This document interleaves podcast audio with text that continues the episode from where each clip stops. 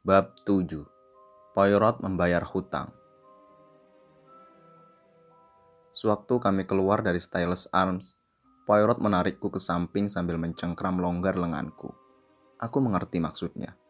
Dia menunggu kedua orang Scotland Yard itu. Beberapa saat kemudian mereka muncul. Poirot maju ke depan dan berbicara dengan laki-laki yang pendek. Kukira kau sudah tidak mengenaliku lagi, Inspektur Jap. Oh, Mr. Poirot, serunya sambil berpaling kepada temannya.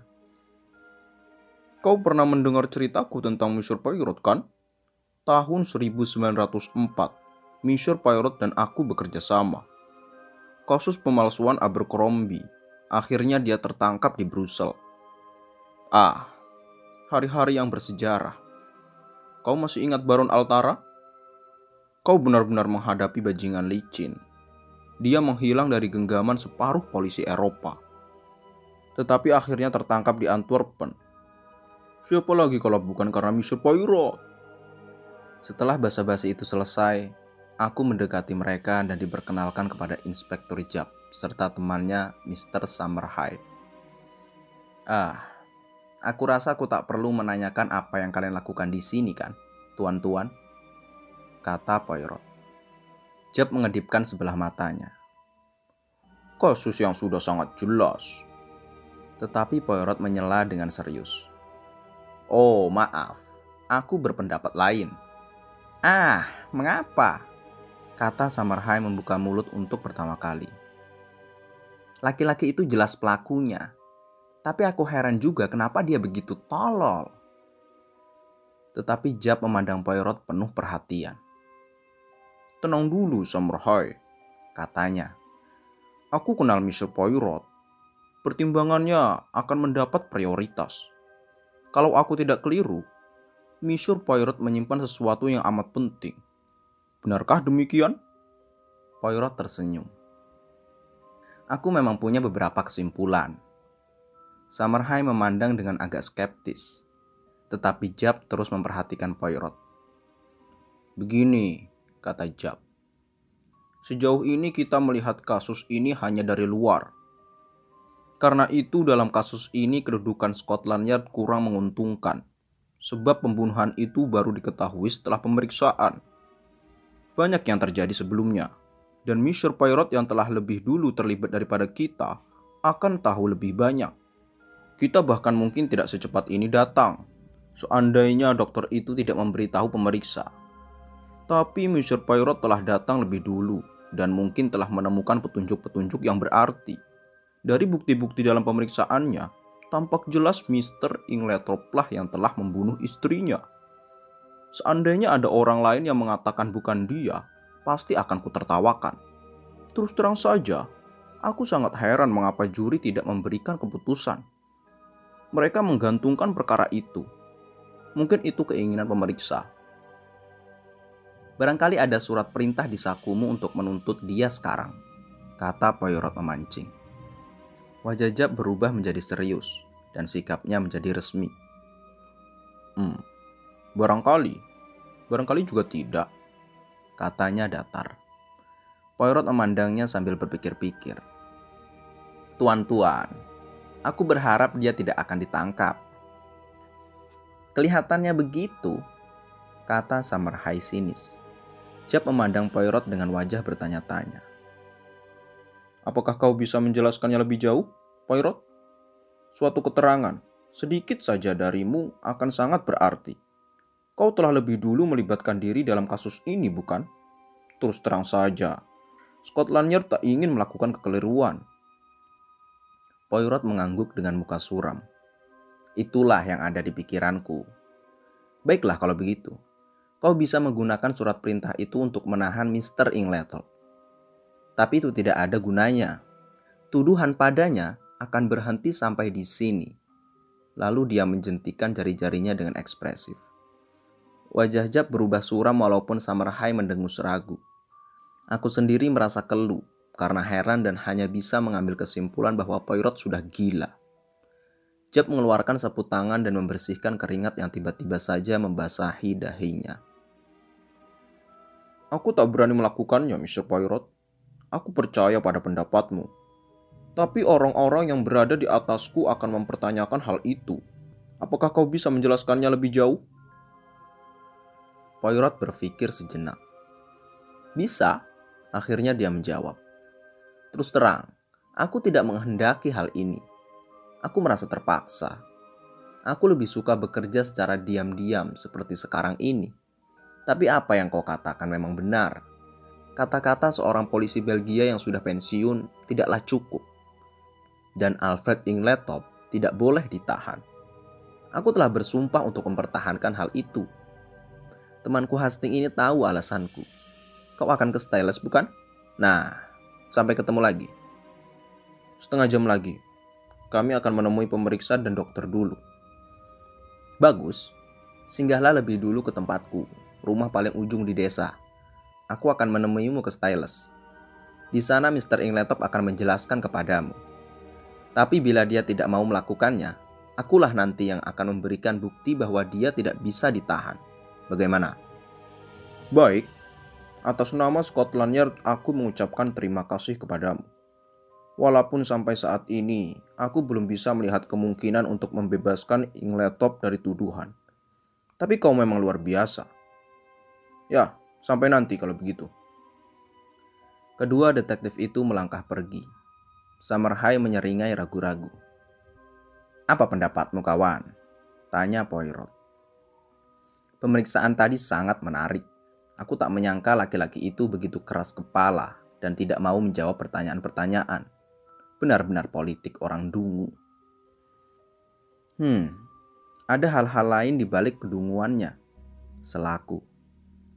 Seandainya tuduhan itu benar, bagaimana dia akan membela diri hanya dengan menutup mulut rapat-rapat?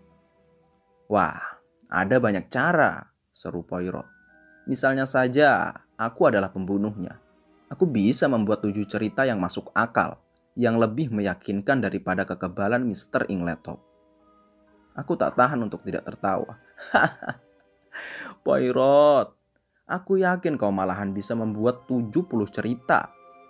Tapi ini sungguh-sungguh.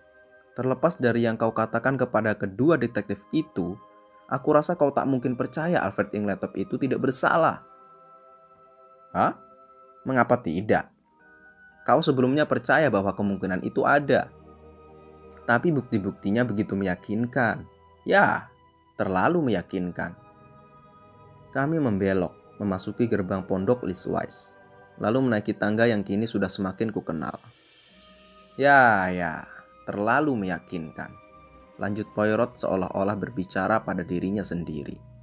Padahal biasanya bukti-bukti asli itu samar dan tak terlalu meyakinkan harus diteliti dulu, disaring. Tapi yang kita hadapi ini begitu gamblang. Tidak kawan, bukti-bukti itu dibuat begitu bagus, terlalu bagus, sehingga justru tak akan mencapai sasarannya. Bagaimana jalan pikiranmu? Karena bila bukti yang memberatkan dia samar dan meragukan, akan sulit untuk membantahnya. Tetapi pembunuh ini telah menarik jalannya begitu ketat sehingga satu robekan saja akan membuat Ingletop bebas. Aku terdiam. Satu dua menit kemudian, Poirot melanjutkan. Mari kita melihat kasus ini seperti ini. Pria itu merencanakan meracun istrinya. Dia bukan orang bodoh. Nah, bagaimana dia merencanakannya? Dengan berani dia pergi ke toko obat dan membeli strychnine atas namanya sendiri dengan alasan yang dibuat-buat. Dia tidak langsung menggunakan racun itu malam itu juga. Dia menunggu sampai ada pertengkaran hebat dengan istrinya yang diketahui oleh semua orang di rumah, sehingga mereka semua mencurigai dia. Dia tidak mempersiapkan pembelaan, tak ada alibi, walaupun dia tahu bahwa pemilik obat itu mengenalinya. Dah, aku tak percaya ada orang yang begitu bodoh. Hanya orang gila yang ingin bunuh diri saja yang melakukan hal itu. Tapi Aku tidak mengerti, kataku. Aku pun tidak mengerti. Dengar, Monami. Hal itu membingungkan aku. Tetapi kalau kau yakin dia tak bersalah, bagaimana dengan penjelasan bahwa dia membeli strychnine? Sederhana, dia memang tidak membelinya. tapi Mace mengenalinya. Ah, dia kan hanya melihat laki-laki berjanggut hitam seperti janggut Mr. Ingletop dan memakai kacamata seperti kacamata Mr. Ingletop serta memakai baju khas gaya berpakaian Mr. Ingletop. Dia tidak bisa mengenali orang yang mungkin hanya dilihatnya dari jauh, karena dia sendiri baru dua minggu tinggal di desa ini. Sedangkan Mrs. Ingletop biasa membeli obat di Court, Mister. Kalau begitu kau berpendapat, ah, Monami, kau masih ingat dua hal yang kukatakan penting? Jangan pikirkan dulu yang pertama, perhatikan yang kedua. Fakta penting bahwa Alfred Ingletop memakai pakaian yang aneh dan khas, berjanggut hitam dan berkacamata. Kataku, tepat. Sekarang seandainya ada orang yang ingin menyamar seperti John dan Lawrence Cavendish, apakah mudah? Tidak, kataku berpikir. Tapi seorang aktor, Poirot memotong dengan cepat. Ya, mengapa sulit? Karena mereka berdua tidak berjanggut. Untuk menyamar dan berhasil pada siang hari bolong, diperlukan bakat seorang aktor yang jenius dan yang memiliki persamaan ciri-ciri wajah. Tetapi dalam kasus Alfred Ingletop, tidak seperti itu. Baju, janggut, dan kacamata yang menutupi matanya merupakan hal-hal yang amat penting dari penampilannya. Sekarang, apa insting pertama seorang pembunuh? Mengalihkan kecurigaan dari dirinya, bukan? dan bagaimana caranya agar dia bisa melakukannya dengan baik. Dengan melemparkan kecurigaan kepada orang lain. Dalam hal ini, ada orang yang mudah untuk dijadikan kambing hitam. Setiap orang yakin bahwa Mr. Ingletop bersalah. Dialah yang akan dicurigai. Tapi agar lebih meyakinkan lagi, harus ada bukti yang tidak bisa dibantah, seperti pembelian racun. Dan menyamar sebagai Mr. Ingletop tidaklah sulit Mr. Mace belum pernah berbicara dengan Mr. Ingletop. Jadi dia akan percaya saja seandainya ada seseorang yang menyamar sebagai Mr. Ingletop dan mengatakan bahwa dirinya adalah Mr. Ingletop. Mungkin juga demikian, kataku terpukau oleh imajinasi Poirot. Tapi kalau memang demikian, mengapa dia tidak mengatakan di mana dia berada pada Senin pukul 6 sore? Ah, mengapa ya? kata Poirot lebih tenang. Seandainya dia ditahan, mungkin dia akan mengaku. Tapi aku tak ingin keadaannya sampai begitu. Aku harus membuat dia melihat betapa berbahaya posisinya. Tentu saja ada suatu hal yang tak terpuji di balik mulutnya yang terkunci rapat-rapat. Seandainya dia tidak membunuh istrinya, dia tetap seorang bajingan. Dan ada hal yang disembunyikannya, yang tak ada hubungannya dengan pembunuhan itu. Apa kira-kira? Aku bergumam sambil seolah-olah mengakui keunggulan pendapat Poirot, walaupun sebenarnya tidak yakin.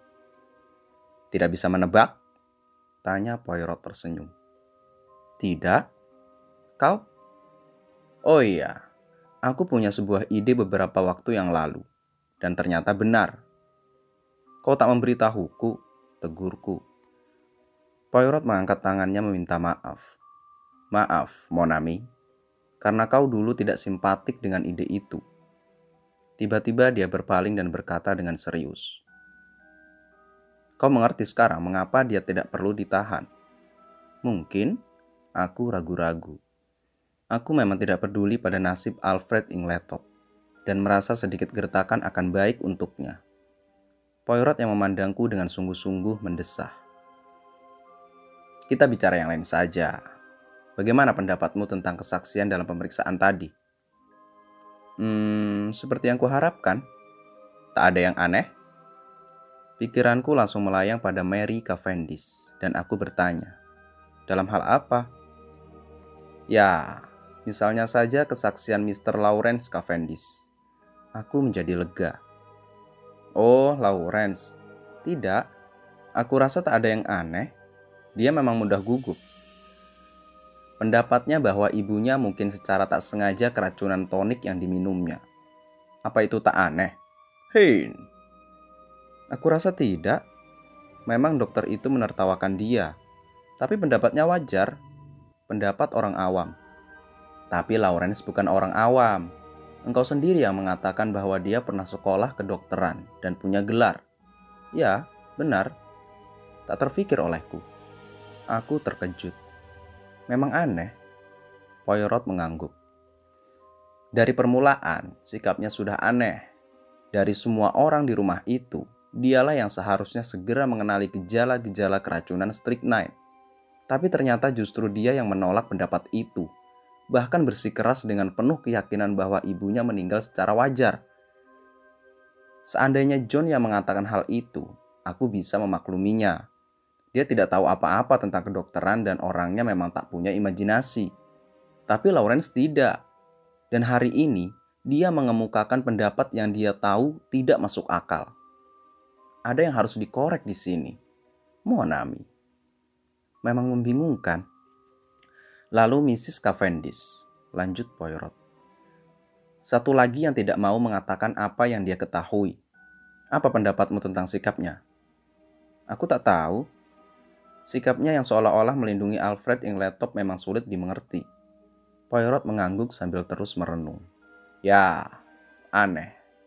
Tapi ada satu hal yang sudah pasti. Dia mendengar sesuatu dalam percakapan pribadi itu – dan dia tak mau mengatakan apa yang didengarnya. Padahal dia bukan jenis yang suka mencuri dengar pembicaraan orang lain. Tepat. Kesaksiannya menunjukkan satu hal. Aku telah membuat kekeliruan, dan Dorcas benar.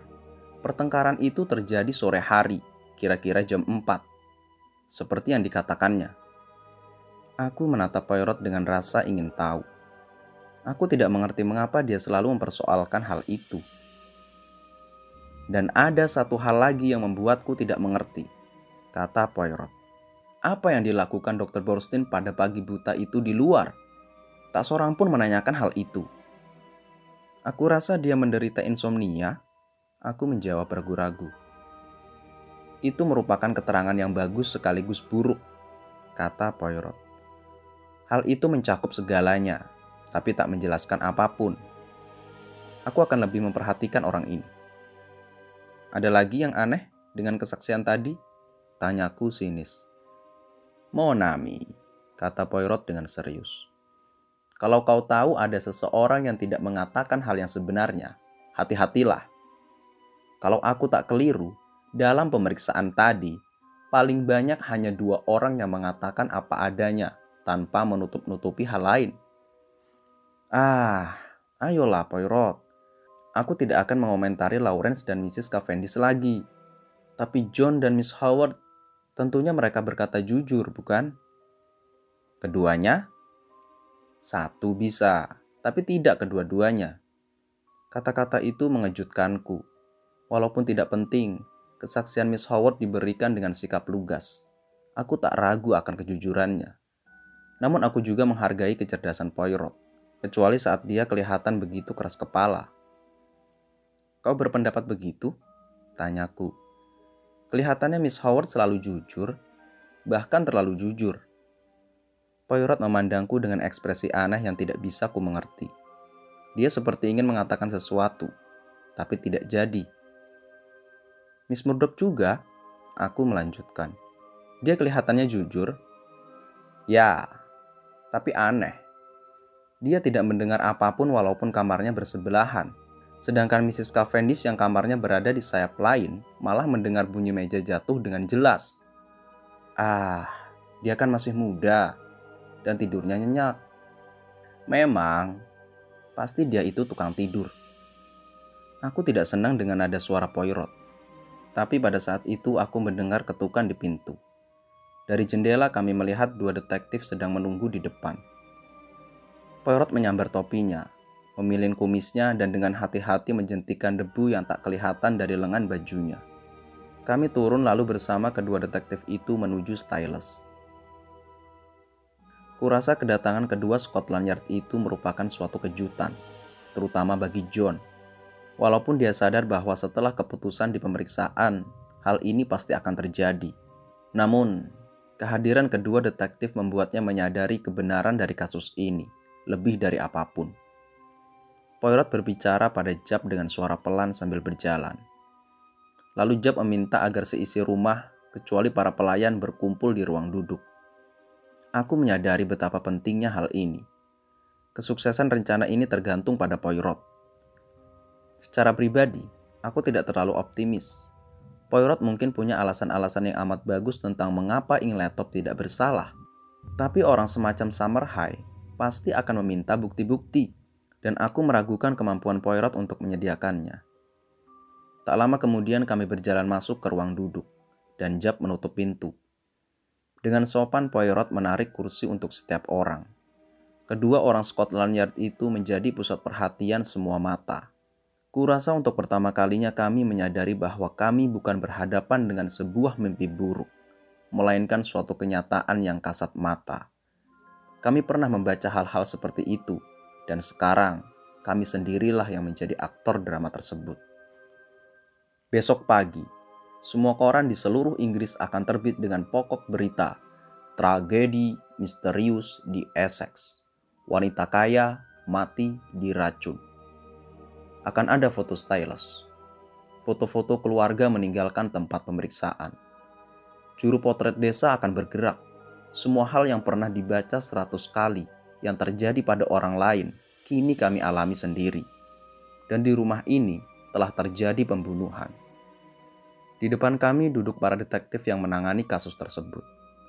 Kurasa semua orang akan heran karena Poirot, dan bukan orang Scotland Yard itu yang memulai. Miss Damis dan Monsieur, kata Poirot sambil membungkuk seperti seorang pembesar yang akan berceramah.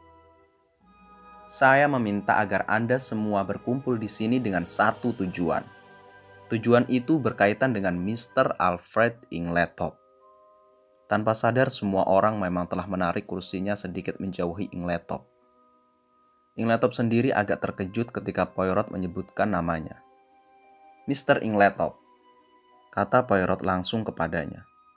Ada sebuah bayangan gelap di atas rumah ini. Bayangan pembunuhan. Ingletop menggeleng dengan sedih. Istriku yang malang, gumamnya. Emily yang malang. Sangat mengerikan. Saya rasa Anda tidak menyadari betapa mengerikannya hal itu bagi Anda. Kata Poirot langsung. Dan karena Ingletop kelihatannya tidak mengerti, dia menambahkan. Mr. Ingletop, Anda sedang berdiri di tepi jurang yang berbahaya. Kedua detektif itu menjadi resah.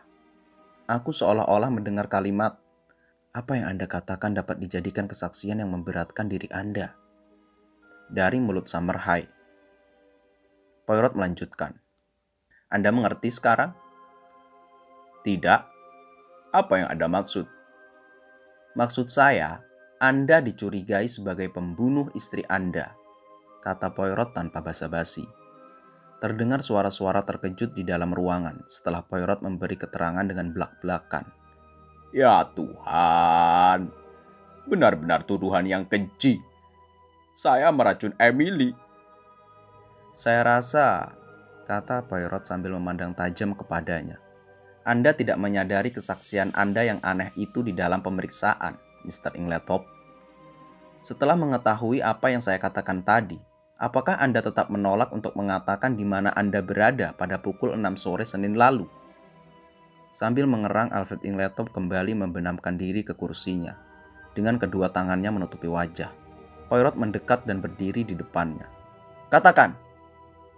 Serunya dengan nada mengancam. Dengan susah payah Ingletop membuka kedua tangannya.